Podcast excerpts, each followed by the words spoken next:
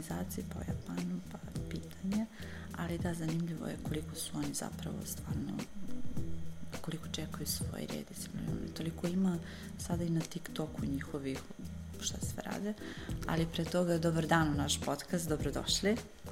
Dobar dan, hvala na pozivu. Kako ste vi nama, Nikola, danas? Jako dobro, kao i obično dobro raspoložen, disciplinovan, što bismo sad da, da, da. šalu na stranu. Evo, prvo da vas predstavim, sa nama je danas Nikola Marjanović, on je direktor kompanije, teko konsultantske kompanije, koja je još pre deseta godina govorila o jednoj metodi koja je tada bila pa pomalo nekako stidljivo uvođena u kompanije, do duše danas je to vrlo popularna metoda i poslovna filozofija i pre nego što, što nešto više kažemo o toj metodi, danas je imperativ da kompanije govore o optimizaciji rada i da nađu nekako način da sa što manje radnih sati dođu do što boljih rezultata. Ugledaju se tu negde na Japan, znamo da su Japanci vredni od uvek bili, da su to ljudi koji su davali otkazi zbog toga što im voz kasni jedan minut. Nekako se čini da su danas pa pomalo, ja bih možda rekla jednostavno efikasni. A, šta je to lean metoda i kaizen filozofija? Da, ja bih rekao da je negde prirodno to što je lean kaizen ili kako god ga nazvi, nazivali to optimizacija procesa došla na red uh, iz razloga što nam resursi pone, ponestaju kako prirodni resursi materijali tako i radna snaga i prosto moramo da se borimo da što bolje iskoristimo to što, što imamo. A lean je upravo, upravo to. Iako nastala u Japanu vrlo brzo se proširila na ceo svet sa idejom da bolje iskoristimo svoje resurse, resurse kojima raspoložimo. A sad me zanima li tačno ovo za Japan? Jesu li oni efikasni jednostavno? Kako su oni došli do toga? Oni su iz muke postali efikasni. Zapravo nakon Hirošime i Nagasakija porušeni Japan morao je sa minimalno resursa da smišlja kako da prosto preživi i da to što ima iskoristi. Iz toga su nastali sada najpopularniji alati, lean alati za optimizaciju procesa, koji nam kažu upravo to. Sa minimalno uloženog da ostvarimo maksimalne rezultate. Takva filozofija koja je i prilično, da kažem, prilagodljiva i fleksibilna, se proširila prvo na Ameriku, pa od naziva Kaizen koji mm -hmm. potiče iz Japana je postao Lean, pa je onda došao u Evropu, pa smo ga nazvali u Britaniji Continuous Improvement, neke kompanije su ga nazvali World Class Manufacturing i to se dalje, dalje razvijalo i sada neretko same kompanije imaju svoje nazive za suštinski istu stvar. Kod nas sam čuo vrlo interesantan naziv domaćinsko vaspitanje. Eto, na primjer, suštinski... to mi je novo da čujem. Šta je u korenu, u korenu toga? U korenu je briga o resursima. I u svom domaćinstvu brinemo i o potrošnji struje, i o potrošnji namirnica, i o potrošnji ne znam, deterđenata i svih ostalih potrošnih stvari. Što je danas vrlo važno i za održivi razvoj i za, za generalno održivo poslovanje, što je svima na agendama među, među prvim ciljevima. Apsolutno, apsolutno je tako. I to bi ja, to domaćinsko vaspitanje je suštinski lin u kući, a lin na poslovanju kaže pa hajde da se obhodimo na način kako se obhodimo prema svojim resursima, prema kompanijskim resursima. Zato što svi koristimo te resurse i živimo, živimo od toga. E, malo pre ste mi ispričali baš za jedan primjer iz Japana, kad ste meni objašnjavali e, šta je lean metoda, da zapravo koliko su oni disciplinovani u smislu da su neumorno čekali satima na svoj obrok kada im se desio uragan, da oni jednostavno u svemu uh, znaju kako da se ponašaju. Sad, uh, znamo da poslodavci u Srbiji pokušavaju na, na razne načine i da benefiti, beneficijama raznim privuku svoje zaposlene i nove zaposlene, što je danas teško. Ali pre nego što, što vas pitam sledeće pitanje, uh, iznala bih samo jedan podatak, a to je, na primjer, da kažu da u Srbiji Od tri proizvoda koje su top u izvoza u svetu, dva se tiču kompanija koje rade japanski investitori u Srbiji. Dakle, koliki je taj uticaj njihov, iako možda ne vidimo na prvi pogled, zapravo su vrlo, vrlo veliki investitori u Srbiji, ostavljaju veliki novac, zapošljavaju mnogo radnika i da zapravo guraju da, eto, postanemo na toj top listi, da od tri najbolja proizvoda dva budu, ne da kažem direktno njihova, ali jedan od njihovih. E sad, koji su benefiti za radnike ako pogledamo cijelu filozofiju i uvođenje takvog načina poslovanja? Da. Benefiti za zaposlene su više struki. Obzirom da minimiziramo sve na radnom mestu, nemamo nepotrebnih stvari, radnik se nekako lakše snalazi prirodno u takvom okruženju. Pa je tu neki alat 5S koji nam pomaže da to naše radno mesto i optimizujemo na, na pravi način. A, Ja, možete malo više da nam kažete o 5S, šta, šta bi to značilo? Da. 5S je jedan od mnogobrojnih lin alata koji služi za optimizaciju radnog mesta. To suštinski znači sve što nam nije nepotrebno da sklonimo, a ono što ostavimo na tom radnom mestu da prosto uh, ima tačno određenu svoju poziciju. Primjera radi, nije isto da li ćemo neki ključ koji nam je potreban za obavljanje operacije vaditi iz kiš, kištre neke kopajući po tom alatu gde možemo i da se povredimo dok, dok kopamo ili ga jednostavno uzmemo i nakon, nakon upotrebe vratimo. I to je onaj deo i discipline i organizacijone kulture koju ste vi malo prepomenuli vezano za Japance koji su stajali u kilometarskim redovima, zato što prosto mm, su kao narod osvešćeni i, i disciplinovani, jednostavno, jednostavno tako. To verujem da ne, ne samo da može se primeni u tim proizvodnim pogonima gde su velike fabrike, sve gde je jako važno znati red, nego i u kancelarijskim prostorima. Zna, poznate su ti ometači na radnom mestu. Dakle, trebalo bi tu napraviti neku neki red na svom stolu, kažu, ili postoji onaj, onaj moment da je to kreativni nered ili se vi ne slažete s tim? Ja ne verujem u kreativni nered. Da li na radnom stolu ili na računaru, ukoliko je nekome potrebno u tom svom kreativnom haosu da 15 minuta nađe jedan fajl ili neki mail ili propusti 10 mailova, ja ne bih mogao da kažem da je to, to, to negde kreativno.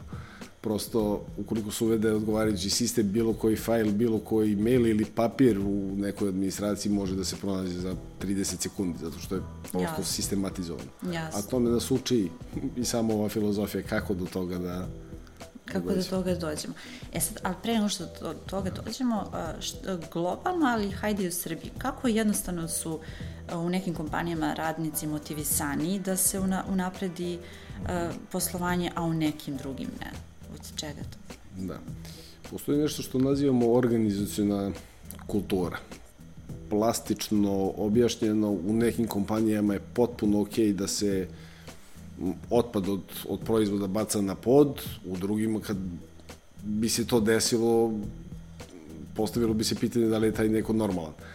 U, jednim, u jednoj kompaniji je normalno da a, i tokom radnog vremena zaposleni obavlja neke, neke privatne stvari, u drugim kompanijama prosto to nije, nije slučaj, nezamislivo. Da prosto svaka kompanija gradi tu kulturu načina ponašanja svojih, svojih zaposlenih. I kada jedan put izgradi način ponašanja, dolaskom novog zaposlenog, što sada nije redak slučaj zbog velike fluktuacije koje se dešava, on se pro, prosto uklopi u sredinu i način ponašanja svih, svih ostalih. I jedan od najvećih izazova jeste to, formiranje adekvatne te organizacijne kulture koje u skladu i, sa, i po merilima same organizacije. I to su oni Japanci koji u kilometarskom redu stoje bez, bez gurenja i sa druge strane tuča oko e, japanske trešnje na našem trgu. Da, to, to je jedan, da, savršen primer koji, koji opisuje te naše razlike. A sad, e, ja znam da vi mnogo putujete zbog svog posla i često ste u Srbiji. Je li ima malo toga da, da, da smo mi nedisciplinovani, da nam ponekada potrebno i reći šta treba i pokazati put? Pa sad, nije tajna da su strane kompanije koje su došle ovde svaka na svoj način uvele određenu kulturu ponašanja i zapravo promenile naš način ponašanja. Da, da li ima istine u tome i zapravo kako se uopšte gradi taj put ka, ka boljoj organizaciji? Postoji jako velika razlika u načinu ponašanja zaposlenih od kompanije do kompanije, čak i u istom gradu. Isti ti zaposleni kada pređu u drugu kompaniju se ponašaju na jedan način, u drugoj kompaniji na, na drugi način. Tako da, uh, onaj deo da prosto mi smo takvi, mi Balkanci, mi Srbi, Evropljani, negde, negde ne stoji, ili i to naučeno ponašanje, odnosno norme okruženja koje, koje prirodno prihvatamo kao, kao takve. Tako da i na jugu Srbije i na severu Srbije ima i pozitivnih i negativnih negativnih primjera u smislu ponašanja zaposlenih na, na radnom mestu. E sad, šta je to što jednu kompaniju čini uh, modernom kompanijom, organizovanom kompanijom? A... Šta biste vi, ili, mm -hmm. ili jednostavno, kako su neke kompanije organizovanije od drugih? Šta je to što moraju da imaju uh, u odnosu na, na druge? Ja bih rekao da je osnova svega toga način, način rada. Ne klasično procedura, već to koliko cene svoje resurse, ako se vratimo na početku, početak priče, mm -hmm. i koliko zaposleni cene resurse. Resurs koji mi kao, kao zaposleni, kao i radnici dajemo firmi ili poslodavcu jeste naše, naše vreme. Ukoliko to radno vreme nam nije posvećeno toj, toj firmi, to je po znacima navoda krađa vremena. Nešto sam Jasne. prodao, a prosto nisam, nisam investirao u to za šta, što je plaćeno. Da, e sad, da. E, dosta, upravo ste rekli to kad govorimo o plati, danas plata nije najosnovniji uslov kada, kada biramo posao i govorili smo dosta i o velikom otkazu i u prethodnim epizodama, sada se pojavio termin i tihi otkaz mm -hmm. i takođe kompanije počele su da brinu i o tome. Sad iz vašeg ugla, iz vašeg iskustva, kako motivisati radnike da ostanu na poslu, kako mhm. privoleti nove i da li tu možda Lean i Kaizen filozofija mogu da pomognu? Koji bi to bili načini prema vašem mišljenju? Da. Tihi otkaz kao takav za mene je relativno nov pojam, nedavno sam ga čuo, ali odlično opisuje sliku da prosto zaposleni, naročito mladi zaposleni, ne žele da rade nakon onog fiksnog radnog vremena nakon 5 sati ukoliko je to, to radno vreme. I ja to donekle, donekle poštujem zato što a, taj balans između posla i rada treba, treba uspostaviti mislim da je to i negde dobar osnov za, za zdravo društvo. E sad, sa druge strane, a, kompanije, odnosno Lin, Lini Kaizen se direktno naslini na to zato što to vreme koje je neko posvetio radu, tih 8 sati, mogu, može da iskoristi na različite načine. S jedne strane, ukoliko je to vreme, mm, kažem, utrošeno mm -hmm. kroz razna rasipanja zaposlenih u nepotrebne pokrete, kretanja, traženja, bilo informacije, bilo, bilo nekih materijala, taj zaposleni mora da negde radi nakon radnog vremena, jer to očekuje poslodavac da završi određenu količinu posla. Yes. Ukoliko su nam procesi dobro uh, osmišljeni, dizajnirani, bez, bez rasipanja u tim procesima, za tih 8 sati će uraditi i više nego što je, što je dovoljno. Tako da se Lean direktno, odnosno Lean filozofija direktno um, omogućava da dobro iskoristimo tog zaposlenog u 8 sati i da nemamo potrebe uh, da, oč, da čak ni da očekujemo da, da, da radi nakon tih 8 sati. Sutra da će nam doći opet zadovoljniji na, na posao. Ono što je, što je velika tajna same, same filozofije jeste i u tome da a, uključimo samog zaposlenog, samog radnika da unapređuje taj proces. Kako bi sutradan mogao da radi ne 8 sati, nego čak možda i 7 sa istim radnim, radnim učinkom. Dakle, vi, vi verujete i zagovarate, neću kažem nove ideje jer su već, već ustaljene, da možemo da radimo kraće, a da imamo bolje rezultate. Evo, govorimo svi o nedelji koja traje četiri radna dana. Sva istraživanja pokazuju da su radnici više od 35% produktivni, a zadovoljni.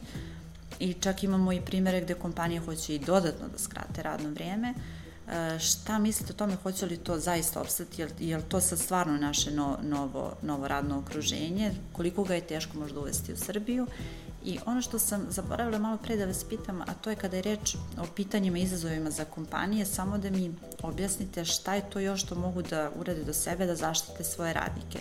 Pominjali smo pre razgovora inspekcije, uh, uopšte bezbednost na radu, kako, kako ovaj možemo da, da unapredimo. Da, svašta sam vas pitala. Sam Lin kroz sve svoje alate jako vodi računa o bezbednosti zaposlenih. Nijedno unapređenje procesa koje će na bilo koji način ugroziti bezbednost uh, zaposlenog, bilo da može da dođe do, do povrede ili ne da je bože smrtnog slučaja ili, ili profesionalnih oboljenja, um, automatski nije, nije unapređenje.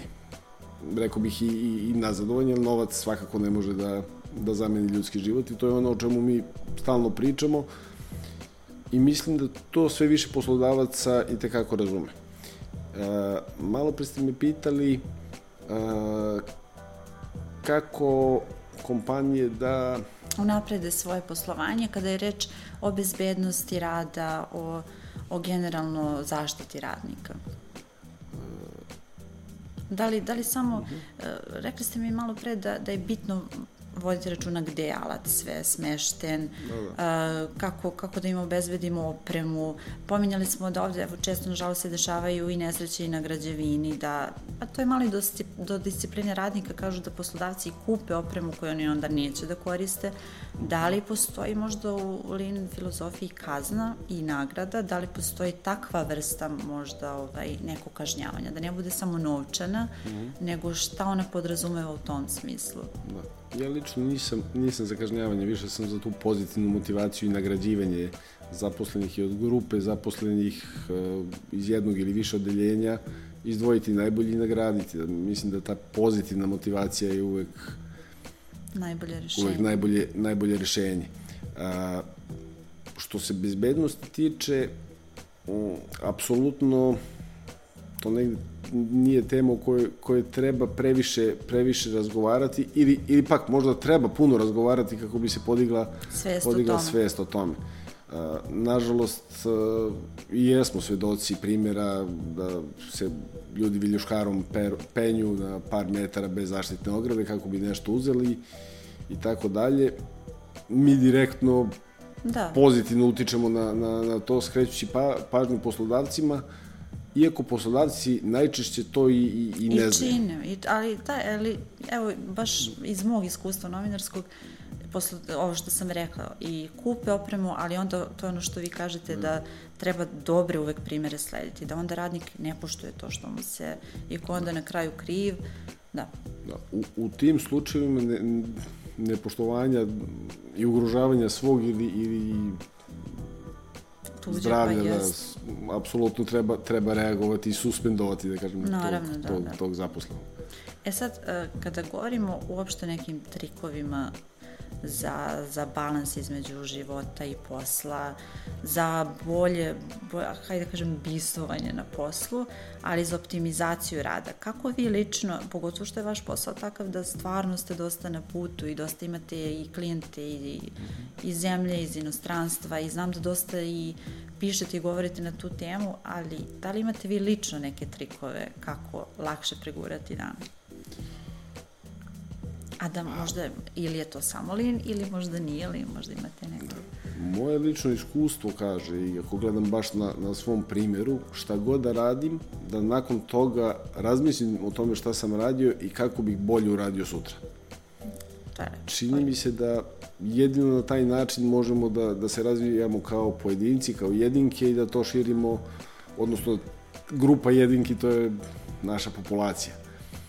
Ako bi svako na taj način razmišlja, verujem da bi šta god da radi, bilo da, da, da vozi kola, razgovara ovde u studiju ili, ili na svom radnom mestu u, u nekoj fabrici, da sutradan za, za mrvicu radi lakše, bezbednije, bolje, brže, jednostavnije, gde bi nam kraj bio. Mislim, to je, to je prosto ono što je, što je negdje ključ. Tak, pa mislim i sam naziv Lean, odnosno Continuous Improvement, malo pre smo pomenuli. Znači, kontinualne mala, mala poboljšanja svakog pojedinca.